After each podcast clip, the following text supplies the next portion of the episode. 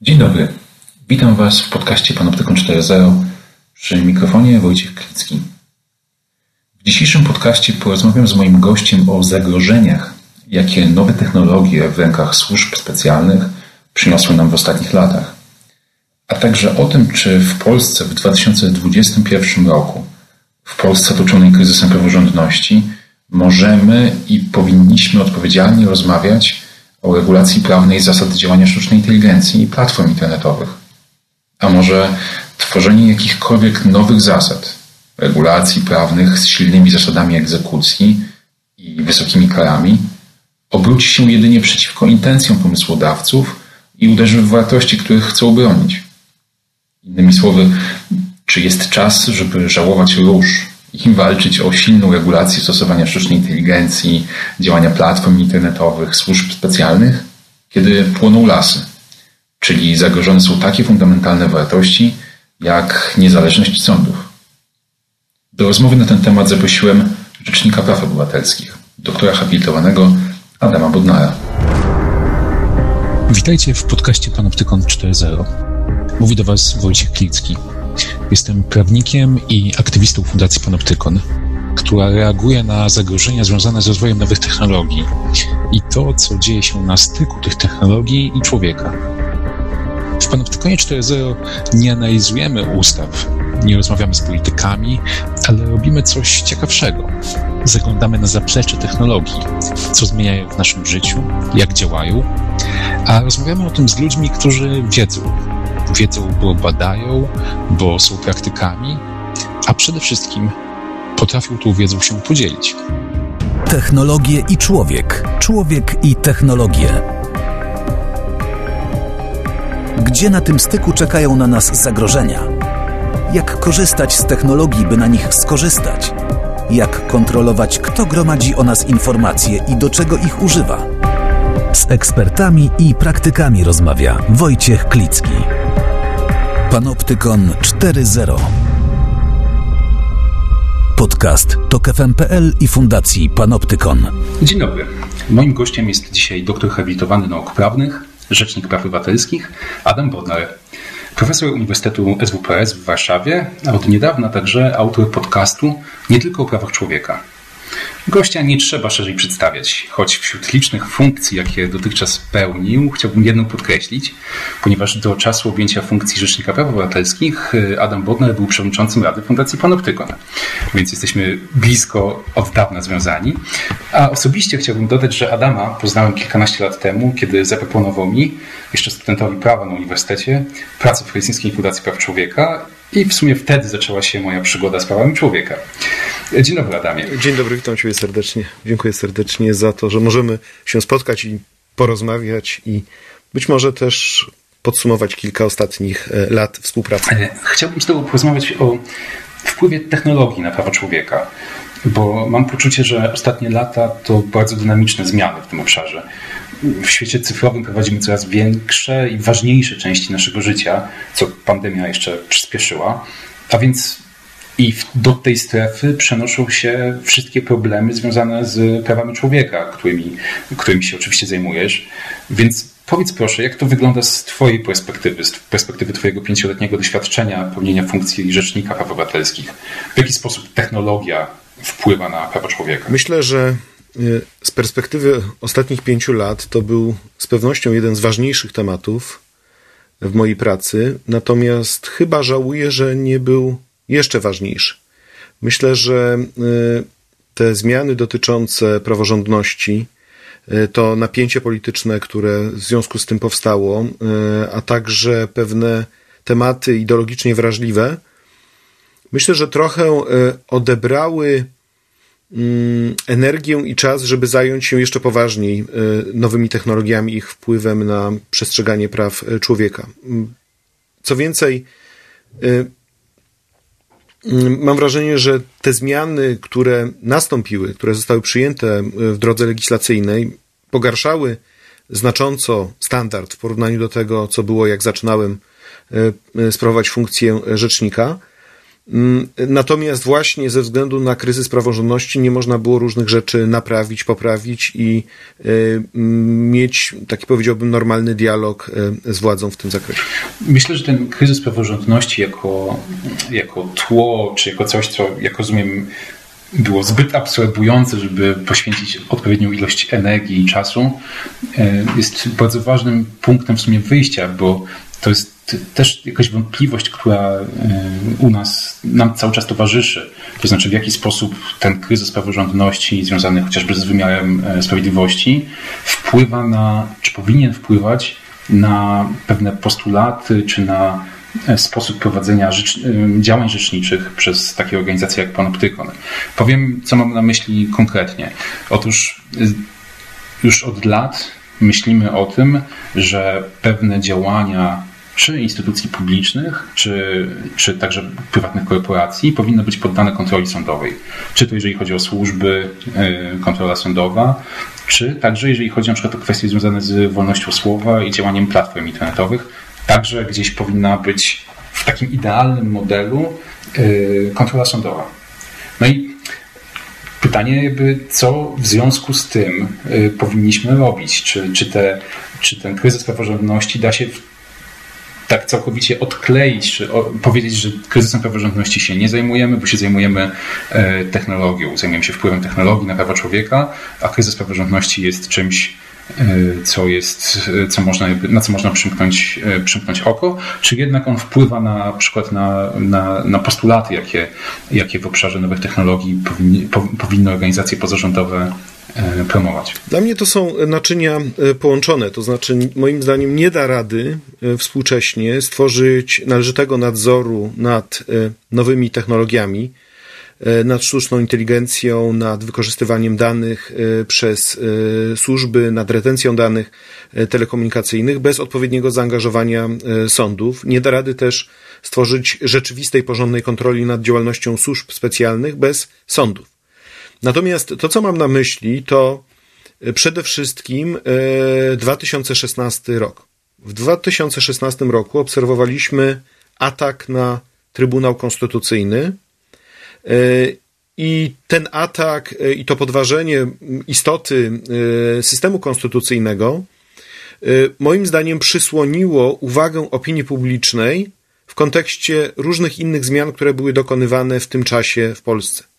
E, przede wszystkim e, mam na myśli chociażby nowelizację kodeksu postępowania karnego, e, która to nowelizacja pozwoliła na wykorzystywanie w procesie dowodów zdobytych nielegalnie. głównie chodziło o dowody zdobywane w wyniku nielegalnie na przykład zakładanych podsłuchów czy innych mechanizmów inwigilacyjnych. Czy też mam na myśli ustawę antyterrorystyczną, która no, znacząco poszerzyła uprawnienia służb w zakresie mm, gromadzenia różnych danych. I pamiętam, że w tamtym okresie, nawet jak próbowało się na poważnie rozmawiać, e, przedstawiać opinii publicznej te e, wszystkie zagrożenia, to mało kto był tym zainteresowany. Przecież nawet udało się wtedy uzyskać kompleksową, pełną opinię Komisji Weneckiej na ten temat, która w zasadzie została koncertowo zignorowana przez władze polskie. I od tego czasu moim zdaniem niewiele się wydarzyło, niewiele pozytywnego się wydarzyło.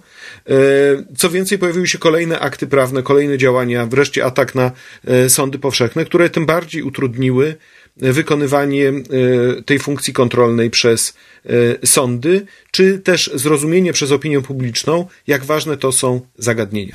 Rzeczywiście to zrozumienie przez opinię publiczną, że na przykład y, przyznanie nowych uprawnień służbom specjalnych, specjalnym jest jakby na równi, jeżeli chodzi o problem kryzysu demokracji z atakiem na Trybunał Konstytucyjny czy, czy niezależność sądownictwa, jest wielkim wyzwaniem, ale to chyba wynika z tego, przynajmniej takie jest nasze doświadczenie w Panoptykonie, że y, sądy y, są jednak mimo wszystko bliższe ludziom i wielu z nas miało z nim jakiś kontakt ze służbami specjalnymi, zwłaszcza z działalnością, tą, o której mówimy, działalnością inwigilacyjną, albo nie mieliśmy kontaktu, a nawet jeżeli mieliśmy, to, e, to o tym e, nie wiemy. W sumie to myślę, że to biorąc pod uwagę pięć lat pracy w biurach Rzecznika Praw Obywatelskich i na pewno dziesiątki, setki, tysiące spraw, jakie do Was wpływają.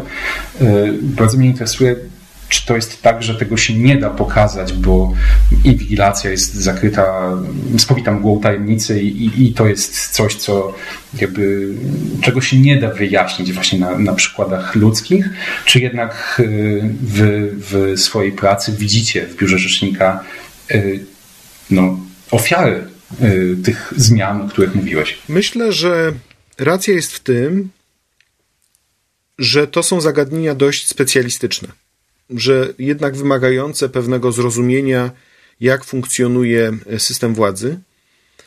I dlatego być może nie są to aż tak istotne zagadnienia dla e, szerokiego, mm, dla przeciętnego e, obywatela. Po drugie, ja myślę, że w ostatnich latach służby były dość szczelne. To znaczy, nawet jeżeli podejrzewamy, że mogły się zdarzać sytuacje wykorzystywania różnych danych do e, działalności bieżącej służb, to my o tym się nie dowiedzieliśmy, bo te informacje nie wypływały e, na zewnątrz. E, a jak wypływały, e, albo jak były wykorzystywane do na przykład bieżącej walki politycznej, to dotyczyło to osób ze świecznika, w związku z czym trudno było wzruszyć właśnie tego przeciętnego Kowalskiego i opinię publiczną. No, na przykład dla mnie jedna z bardziej skandalicznych spraw w ciągu ostatnich lat to była sprawa willi w Kazimierzu Dolnym, gdzie Centralne Biuro Antykorupcyjne się zdecydowało na upublicznienie e, materiałów z podsłuchów e, dotyczących no, akcji operacyjnej przeprowadzanej przez CBA. To były materiały, które zawierały wrażliwe informacje na temat osób postronnych i każdy czytelnik stron CBA mógł się po prostu zapoznać z tymi informacjami. Ale tego typu wydarzenia były w sumie stosunkowo rzadkie przez ostatnie e, pięć lat. Drugi taki moment, kiedy myślę, że opinia publiczna szerzej się zainteresowała tematem działalności służb, to była informacja o zakopieniu systemu podsłuchowego Pegasus e, przez e, Centralne Biuro Antykorupcyjne, jak wszystko wskazuje, ze środków Funduszu Sprawiedliwości.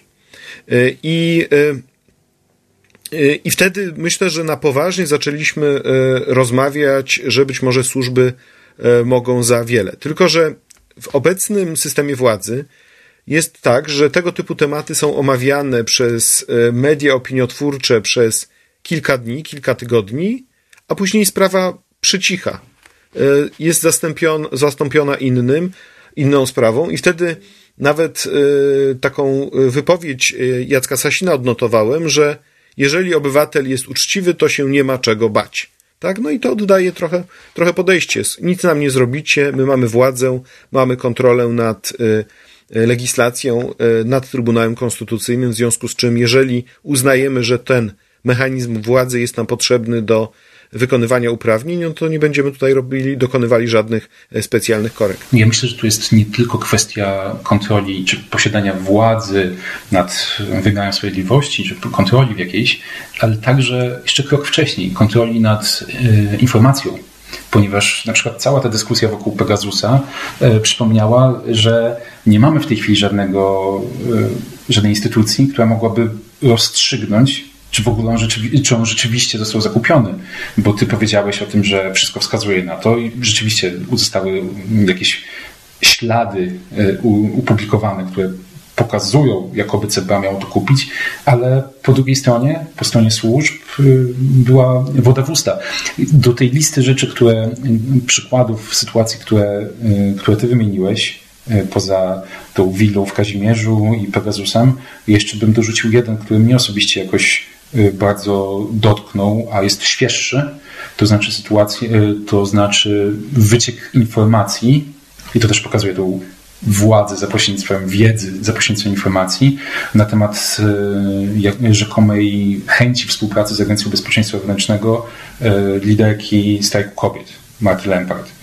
E, kiedy była, był, był jakby kluczowy moment, czy taki pik protestów w ramach ogólnopolskiego strajku kobiet. Wtedy nagle w ten sposób próbowano ją e, no chyba chyba zdyskredytować.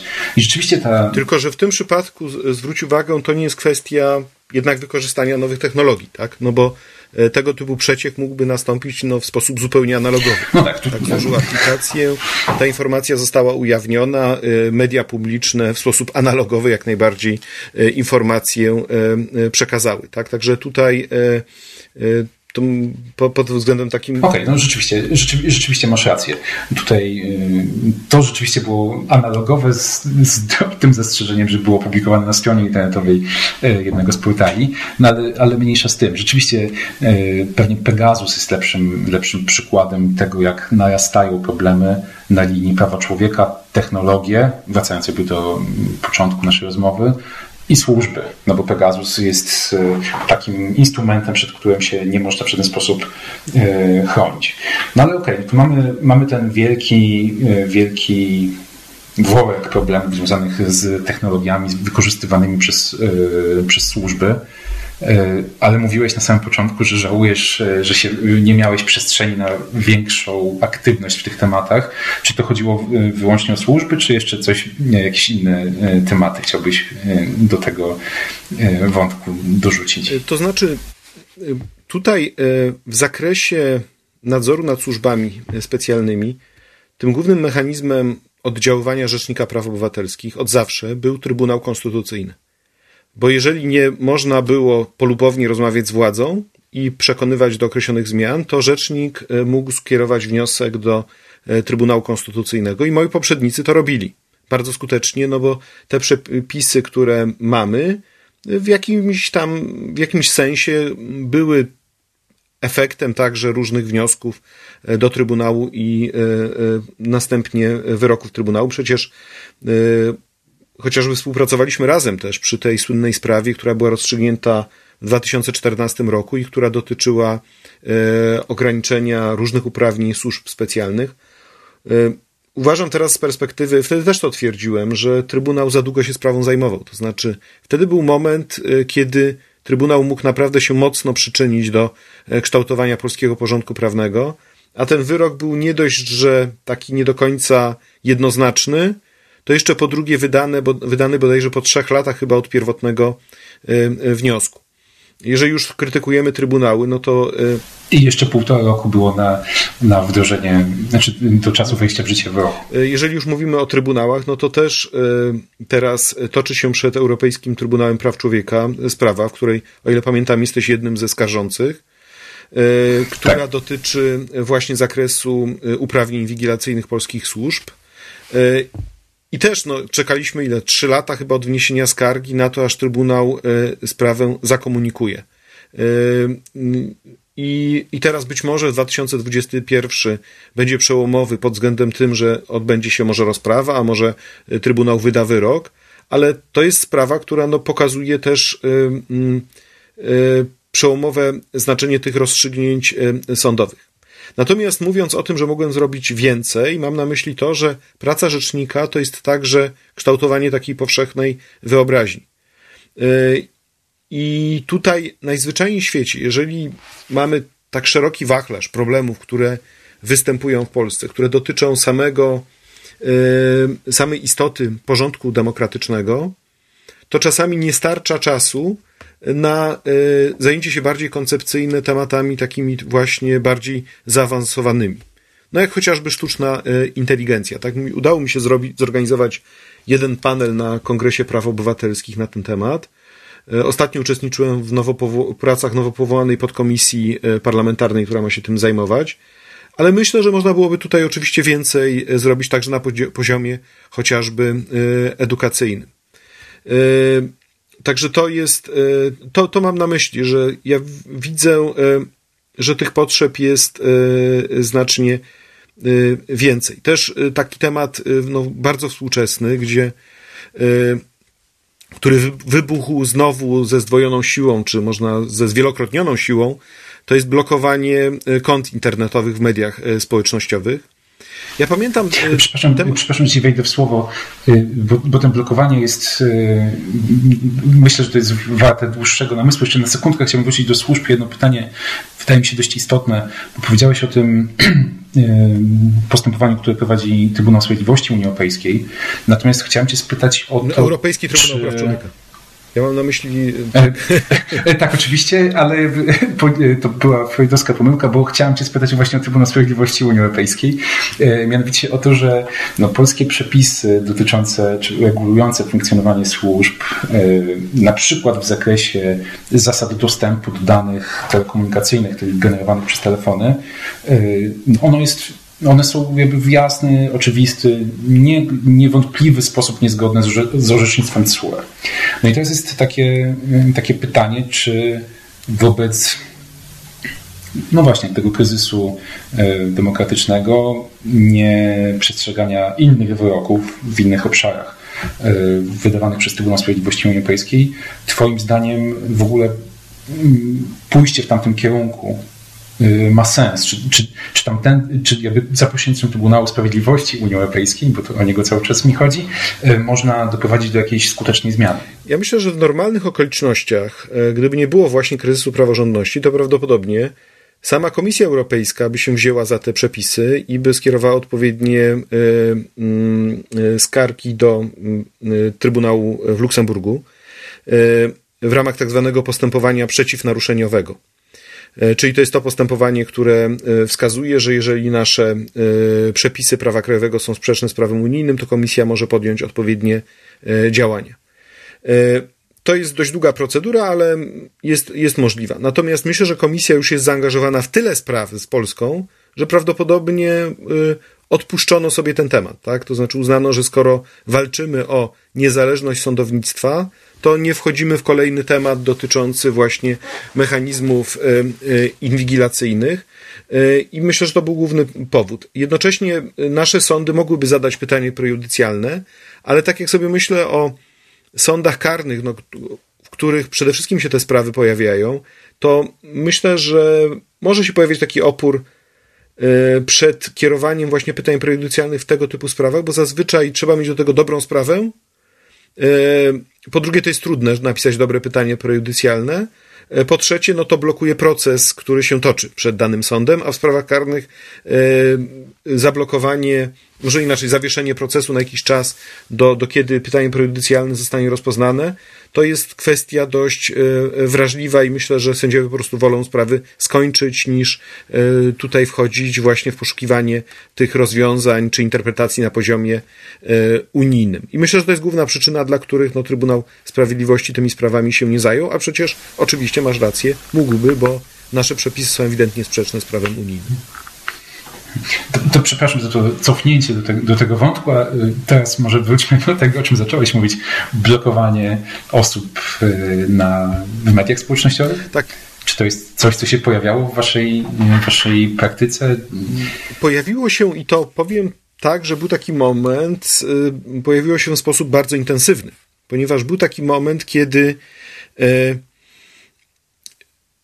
Y, y, kiedy Facebook blokował y, strony czy profile organizacji prawicowych, organizacji narodowych. Wtedy pa, minister cyfryzacji była pani minister Streżyńska, która, no myślę, że zaczęła gdzieś tak no, w swoich wypowiedziach, które oczywiście moim zdaniem były motywowane głównie politycznie, no, okazywać jakąś dużą sympatię tym środowiskom narodowym, które blokowały których strony były e, blokowane. E, I wtedy, jak się zacząłem nad tym zastanawiać, to mm, doszedłem do wniosku, że to jest tak naprawdę głębszy problem, e, ponieważ on dotyczy w ogóle na ile państwo, zarówno na poziomie tutaj naszym krajowym, jak czy też mm, być może Unia Europejska powinna wpływać na określanie czy czy limitowanie e, działalności mediów e, społecznościowych. I pamiętam, że udało się zorganizować w biurze rzecznika taką bardzo dużą debatę na temat właśnie blokowania stron internetowych, e, która to debata myślę, że była wyjątkowa pod tym względem, że zgromadziła na jednej sali zarówno środowiska lewicowe, jak również środowiska i, i to nawet takie bym powiedział, że może nie skrajnie lewicowe, ale bym takie naprawdę już e, e, sięgające no daleko do lewej strony, jak i środowiska skrajnie prawicowe. To znaczy, jeżeli jesteś w stanie sobie wyobrazić dyskusję w biurze rzecznika na poważnie, która trwała przez ładne trzy godziny, gdzie z jednej strony masz przedstawicieli ONR, Stowarzyszenia Marsz Niepodległości, a z drugiej strony masz organizacje LGBT, organizacje zajmujące się prawami człowieka i, i do tego jeszcze w tym uczestniczą różni eksperci i, i specjaliści, to myślę, że to było coś ciekawego, tak? Bo pokazało, że to nie jest wcale jednoznaczny i oczywisty problem, który, który nie można sprowadzić do haseł cenzura, e, do haseł e, e, zamach na wolność słowa, tylko raczej problem, który pokazuje mm, rolę państwa w regulowaniu właśnie big techu i...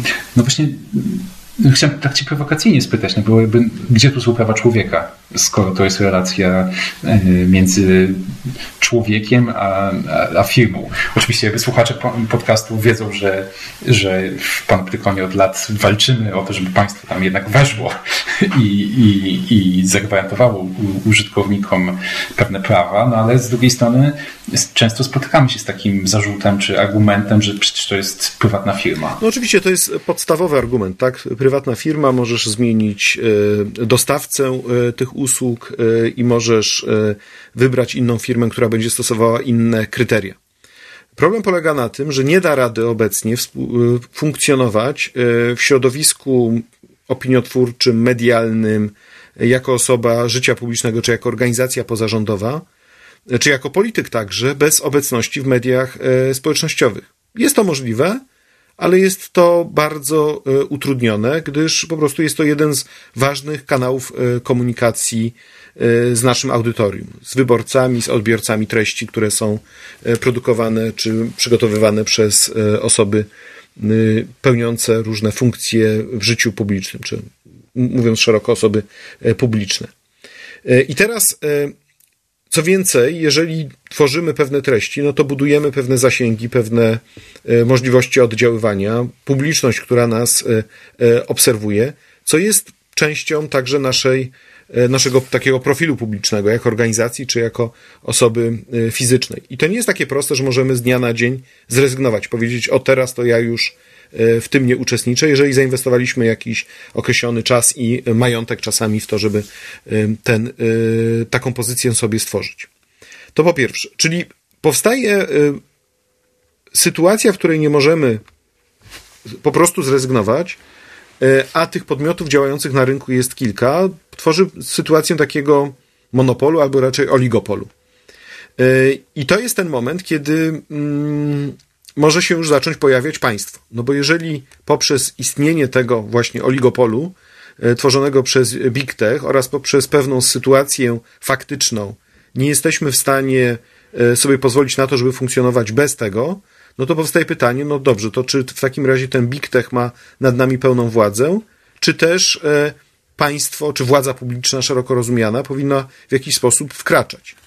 A jeżeli wkraczać, to zgodnie z jakimi zasadami, jakie wartości e, powinny bronić, na czym się powinny opierać te wartości, czy na prawie krajowym, czy na jakimś globalnym, uniwersalnym porządku rzeczy, który, e, mm, e, który powinien wskazywać, jakie treści są dopuszczalne, a jakie nie, prawda? No i tutaj zaczynamy dyskusję na temat granic wolności słowa, możliwości ingerencji, właśnie cenzury, tej cenzury prywatnej, którą tak wy to nazywacie e, e, w panoptykonie. I to już jest zagadnienie, które może nie tyle daje powód do bezpośredniej interwencji rzecznika, ale jest to zagadnienie, na którym no, powinienem się jednak jako rzecznik także zastanawiać i jakąś no, debatę próbować w tym zakresie tworzyć. No tu jesteśmy w takim ciekawym punkcie, w którym Twoja deklaracja dotycząca tego, że jest to jakiś obszar też dla rzecznika, zbiega się, czy jakby następuje najpierw po deklaracji Komisji Europejskiej, która przygotowała zestaw e, przepisów, między innymi kodeksu usług cyfrowych, a następnie e, pana e, ministra sprawiedliwości Zbigniewa Ziobro, który, jeżeli chodzi o diagnozę polegającą właśnie na stwierdzeniu, że arbitralne blokowanie profili bez względu na ich światopoglądową afiliację jest jakimś problemem, e, no to jakby twoja deklaracja jest kolejną, która pokazuje, że ten, e, że ten problem e, no na, już dojrzał do tego, żeby, żeby go rozwiązać.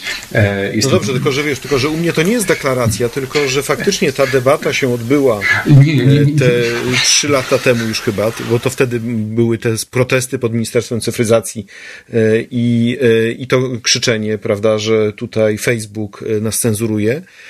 I pamiętam, że z tej debaty przygotowaliśmy takie naprawdę bardzo kompleksowe materiały. Jest cały zapis, który wisi na stronie rzecznika i, i wtedy powiem szczerze, po tej debacie ja poczułem się trochę uspokojony tym, że Komisja Europejska podjęła działania, tak, że jednak działania w kierunku Digital Services Act, czy także w kierunku tego, nad czym pracuje, o czym mało kto wie, Patryk Jaki, czyli rozporządzenie w sprawie e, przeciwdziałania e, treściom terrorystycznym online, e, no to są jednak pewne działania w takim kierunku, żeby pokazać, ok, to my tutaj mamy, możemy mieć władzę jako Unia Europejska nad korporacjami. Tak samo RODO przecież było e, takim e, przykładem, tak, że my jesteśmy w stanie na przykład określić na poziomie RODO, co oznacza prawo do e, zapomnienia, określić reguły profilowania, reguły akceptacji ciasteczek, no te wszystkie, prawda, rzeczy, które się, które miały istotne przełożenie na rynek technologiczny.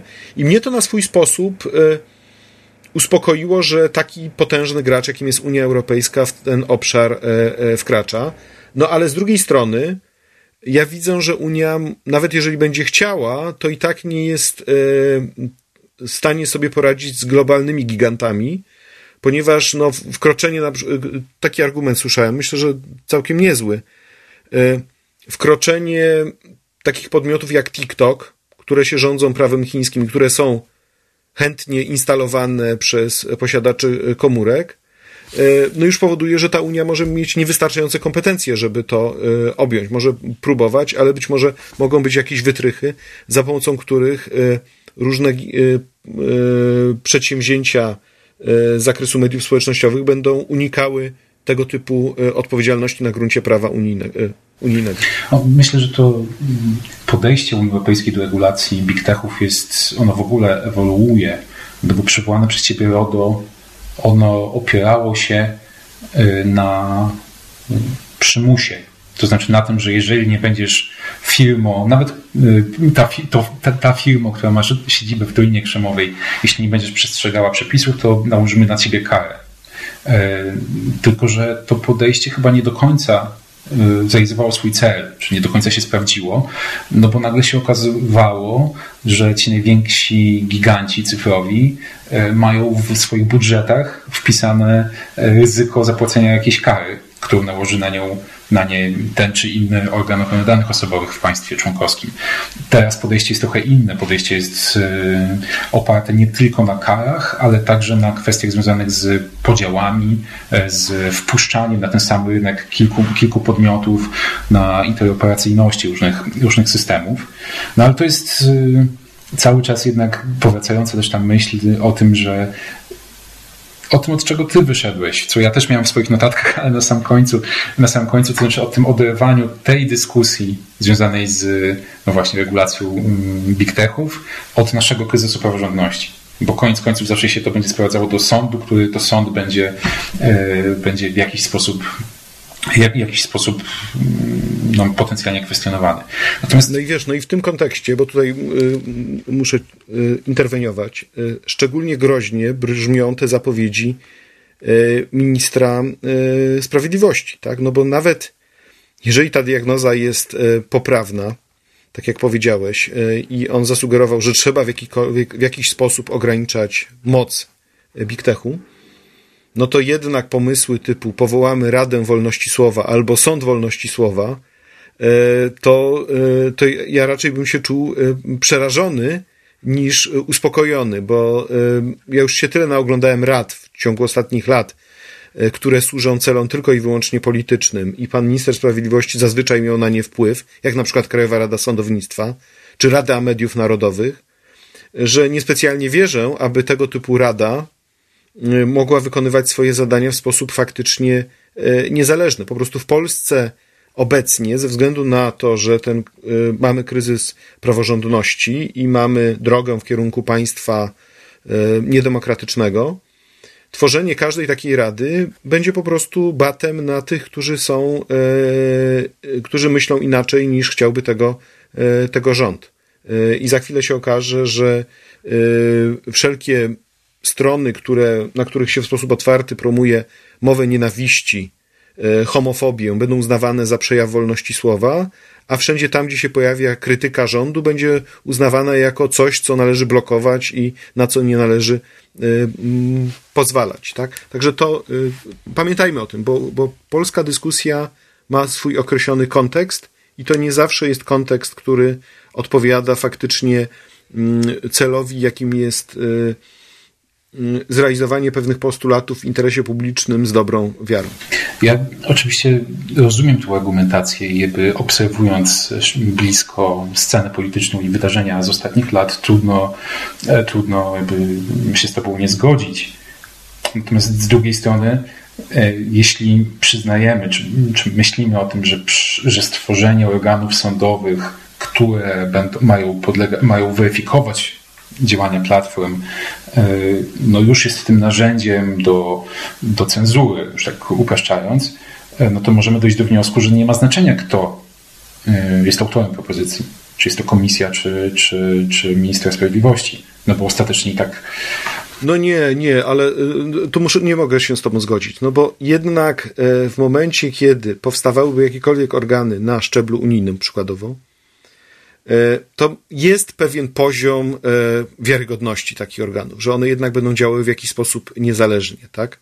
Natomiast jeżeli ja słyszę, że w Polsce ma powstać Sąd Wolności Słowa. Z tego pomysłu, przepraszam, z tego no pomysłu już tak chyba Teraz, teraz aktualnie jest Rada. Tak, tak? No, teraz jest Rada Wolności Słowa. No, no tak, no, ale, no, no, wiesz, no spójrzmy na skład Rady mhm. Mediów Narodowych chociażby, albo spójrzmy na inną radę do spraw, czy komisję do spraw walki z pedofilią w Kościele, która została stworzona i nawet nie ruszyła, tak? Bo politycznie się to nie opłaca. E, obecnie w Polsce tworzenie jakiegokolwiek nowego organu oznacza, że będzie to organ realizujący tylko i wyłącznie cele obozu rządzącego. Tak? To znaczy ja co do tego nie mam wątpliwości. No, no, jeżeli masz wątpliwości, no to spójrz na to, kto jest kandydatem na Rzecznika Praw Obywatelskich. Oczywiście e, wiem, e, kto jest kandydatem na Rzecznika Praw Obywatelskich, ale jednak cały czas będę jakby bronił takiej tezy, że albo powiem odwrotnie. To, że mm, projekt czy przepisy są firmowane, czy idą z góry, w sensie z Brukseli, z Komisji Europejskiej, E, wcale nie oznacza, że, będzie, że, nie, że nie będzie tego problemu, o którym ty mówisz. E, więc e, no bo obaj wiemy, że były pewne kontrowersje, na przykład związane z wyborem rzecznika, przepraszam, prezesa Urzędu Ochrony Danych Osobowych, a to jest instytucja, która jest wprost z RODO, czyli przepisów, przepisów europejskich. I teraz właśnie jest ten kluczowy moment, dylemat, na który nie wiem, czy jesteśmy w stanie sobie nawet teraz odpowiedzieć. To znaczy, co to oznacza? Czy z perspektywy y, Polski i kryzysu y, praworządności w Polsce lepiej, żeby y, platformy nie były regulowane w żaden sposób? Bo jakikolwiek to nie byłby sposób, to ostatecznie ktoś, przepraszam, położy na tym rękę. No czy lepiej jednak uznać, że ta regulacja jest potrzebna, bo nawet jeśli ktoś położy na tym rękę i w jednej, w trzech czy pięciu sprawach politycznych te decyzje będą kontrowersyjne, to jednak ponieważ skala problemu jest znacznie większa, to liczymy na to, że, e, że te sprawy zwykłe, te, które nie są z pierwszych stron gazet, będą załatwiane. To znaczy, wiesz, ja mam, e, wiesz, akurat się tym zajmuję w wielu innych sprawach, tak, dotyczących, i też piszę nawet na ten temat artykuły naukowe, tak. Dla mnie to, co jest niebezpieczne w Polsce, e, to jest stosowanie takich zabiegów, które się, nazywa, które się nazywają w nauce y, y, dyskryminacyjny legalizm. Co to jest takiego? To chodzi o po prostu selektywne stosowanie prawa. Y, czyli ja się obawiam tego, że jeżeli by powstały tego typu mechanizmy i działały w Polsce, to nawet jeżeli one będą najbardziej słuszne, najlepiej przygotowane, przemyślane, to skończy się w ten sposób, że ostrze będzie wymierzone w przeciwników władzy.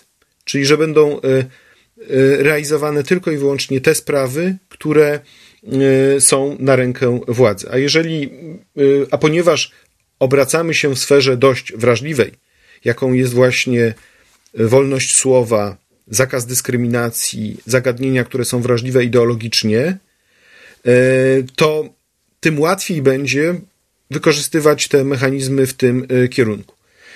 I na potwierdzenie no, mogę podać przykład walki z mową nienawiści. Przecież wszystkie ważne sprawy dotyczące mowy nienawiści zostały umorzone. Spod antyuchodźczy PiSu do dzisiaj sprawa nierozstrzygnięta. Wieszanie e, portretów europosłów, sprawa umorzona. Akty zgonu wydane przez Młodzież Wszechpolską w stosunku do prezydentów miast, tak samo. E, nawet sprawa, e, jak już mówimy o Ministerstwie Sprawiedliwości, no to nawet ta słynna afera hejterska przecież do dzisiaj nie jest wyjaśniona. Sprawa wypowiedzi antysemickich jednego z członków Krajowej Rady Sądownictwa już kilka lat mija i nic się ze sprawą nie dzieje. Wiesz, i, i teraz biorąc pod uwagę to, musimy brać taką właśnie perspektywę, że, że powstawanie tego typu mechanizmów w Polsce będzie miało taką cechę, że e, w efekcie skieruje się przeciwko tym, którzy w dobrej wierze nawet te rozwiązania e, popierali. Tego się po prostu e, obawiam w kontekście polskiej, tego się po prostu obawiam w kontekście polskiej rzeczywistości politycznej. Natomiast to, co mi przeszkadza, jeżeli tak mógłbym się odnieść, to to, że te tematy dotyczące wpływu nowych technologii na prawa człowieka w różnym kontekście były podejmowane przez Biuro Rzecznika, były podejmowane przez organizacje pozarządowe, przez Was, przez Panoptykon, Centrum Cyfrowe, przez e, wiele innych e, instytucji. Natomiast to są tematy prawie w ogóle nie podejmowane przez opozycję. E, to nie jest tak, że my gdzieś mamy naręcze pomysłów po stronie partii opozycyjnych czy środowisk politycznych związanych z partiami opozycyjnymi, z których możemy wybierać. Gdybyśmy teraz poszukali nawet, czy w jakiejkolwiek partii y, politycznej, opozycyjnej jest organizowana rzetelna debata na ten temat, to pewnie byśmy nie znaleźli. E, a przecież e, to jest, e, to jest moment na, na jakiś właśnie chociażby element kongresu programowego czy, czy debaty, debaty programowej.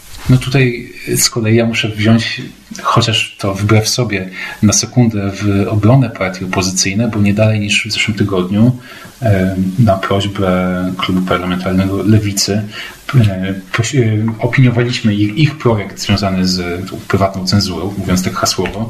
Wiem też, że Konfederacja ma jakieś swoje, swoje propozycje w tym, w tym obszarze, więc ten temat, który pewnie dlatego, że tak bardzo wypłynął, e, on, on został podjęty, chociaż e, owszem zgoda, że na przykład w obszarze służb niestety zdarza, zderzamy się ciągle ze ścianą jakiejś obojętności, bo to nie jest coś, na czym, na czym łatwo budować e, słupki poparcia. Natomiast to, co mówiłeś przed chwilą dotyczące tego, że ten mm, efekt może być odwrotny od efektu zamierzonego reform związanych ze sztuczną inteligencją, czy, czy właśnie działalnością platform, no to jakby e, rozumiem, że jest także argumentem e, do tego, za tym, co mówiłeś na samym początku rozmo naszej rozmowy, czyli za tym, że musiałeś, zajmowałeś się w dużym stopniu praworządnością, no i rozumiem, że to jest uzasadnienie, że ta decyzja była słuszna, bo bez praworządności nie ma, e, nie ma tych nie ma tych innych regulacji.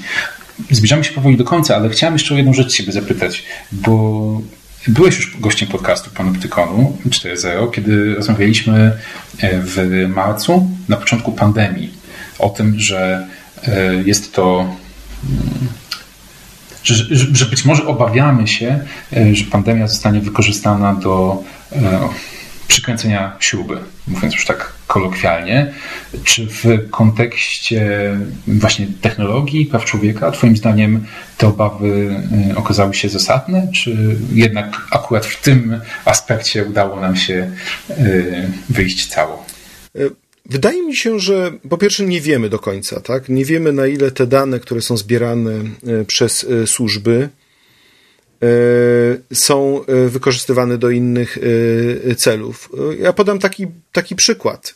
Tak, dlaczego nie wiemy? To ja może o tym wcześniej nie mówiłem, bo nie mam jakichś, nie wiem, twardych dowodów, nie chciałem też robić jakiejś zbędnej sensacji, tak? Ale jeżeli ja dostaję wynik swój koronawirusa i 45 minut później dzwoni do mnie TVP Info, pytając się, czy ja mam koronawirusa, a jedyne, co ja zdążyłem zrobić, to wykonać jeden czy dwa telefony do pracy e, wcześniej e, i e, no i nie byłem w pracy przez cały dzień wcześniejszy, no to ja się zaczynam zastanawiać wtedy, tak? Czy ja o czymś nie wiem, czy zresztą w przypadku Marty Lempart coś podobnego nastąpiło, tak?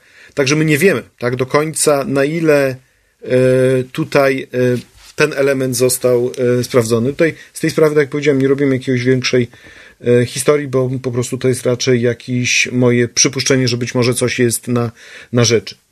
Natomiast co do tych wszystkich aplikacji, no to, yy, to myślę, że chyba y, chyba jednak to, to główne niebezpieczeństwo nie zostało zrealizowane. Tak? To znaczy nie, nie, nie zostały wprowadzone takie mechanizmy, które by zapewniały no właśnie tutaj taką powszechną inwigilację całego e, społeczeństwa, że jednak poszukiwanie jakiegoś optymalnego rozwiązania myślę, że brało pod uwagę e, m, pewną refleksję także ze strony e, środowisk e, pozarządowych.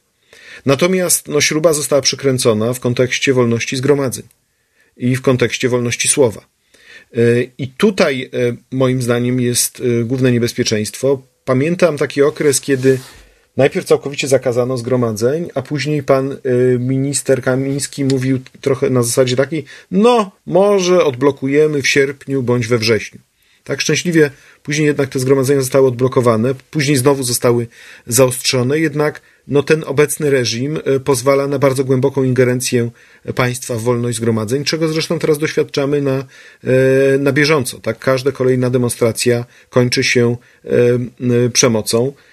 Był tylko jeden ten moment, kiedy no, nastąpiło coś w rodzaju nawet nie tyle wolności zgromadzeń, ale takiego wielkiego, kilkudniowego czy kilkutygodniowego kryterium ulitycznego, które zablokowało publikację wyroku e, Trybunału Konstytucyjnego. Ale co do zasady, e, obecnie z wielu praw nie jesteśmy w stanie korzystać. Tak, niestety, niestety tą obserwację te, też niestety mam.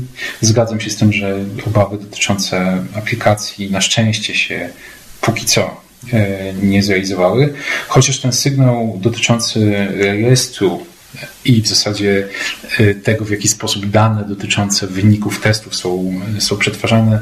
Myślę, że jest wart pociągnięcia, bo już nie pierwszy raz docierają do nas informacje na temat tego, że ten rejestr jest czy rozporządzenie regulujące zasady jego działania jest tak napisane, że, że te dane mogą być dość, e, dość szeroko pozyskiwane. I, ten przykład, za który Ci dziękuję, jest tylko dla nas inspiracją, być może, żeby się temu, żeby się temu bliżej przyjrzeć. Ja cały czas jednak wracam myślami i myślę, że to było, chciałbym, żeby to było gdzieś jakąś puentą naszej rozmowy. Wracam myślami do tego napięcia związanego z kryzysem praworządności, a jednak jakimś eksperckim zajmowaniem się, czy przez rzecznika, czy przez organizacje pozarządowe, tematami związanymi z nowymi technologiami.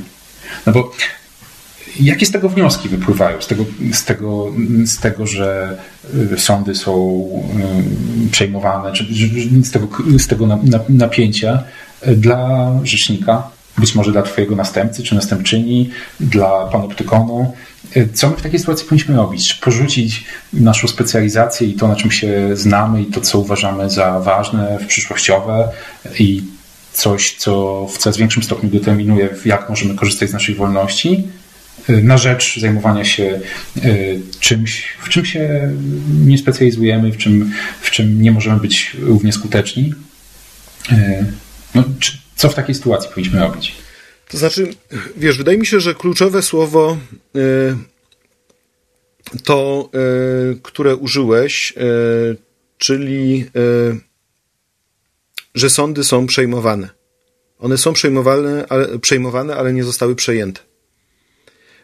I w tym procesie przejmowania następuje mm, paradoksalny efekt zrozumienia przez sądy swojej właściwości, znaczenia i niezależności.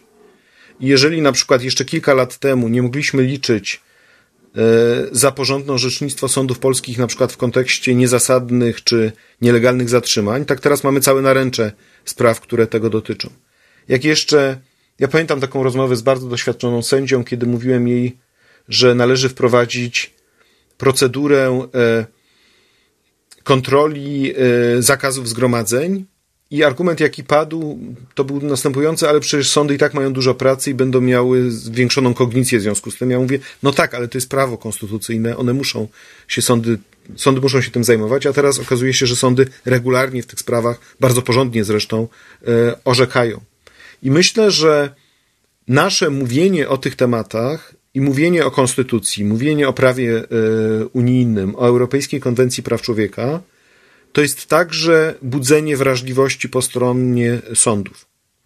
Natomiast e, ta wrażliwość w sposób pełny zostanie obudzona wtedy, kiedy dojdziemy do momentu e, pozwalającego na, rzeczywiste, na rzeczywistą przebudowę służb specjalnych i stworzenie mechanizmów cywilnej kontroli i nadzoru nad służbami specjalnymi. Ja wierzę, że ten moment nastąpi. On jest zależny od e, zmiany politycznej.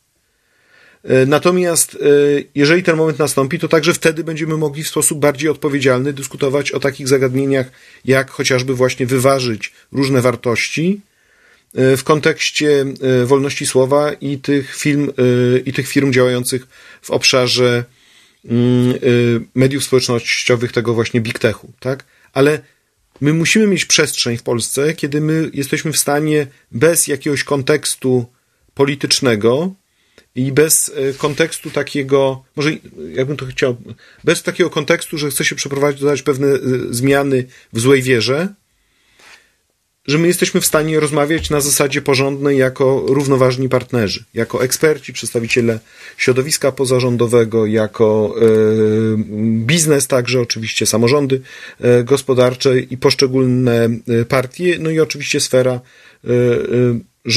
sfera rządowa.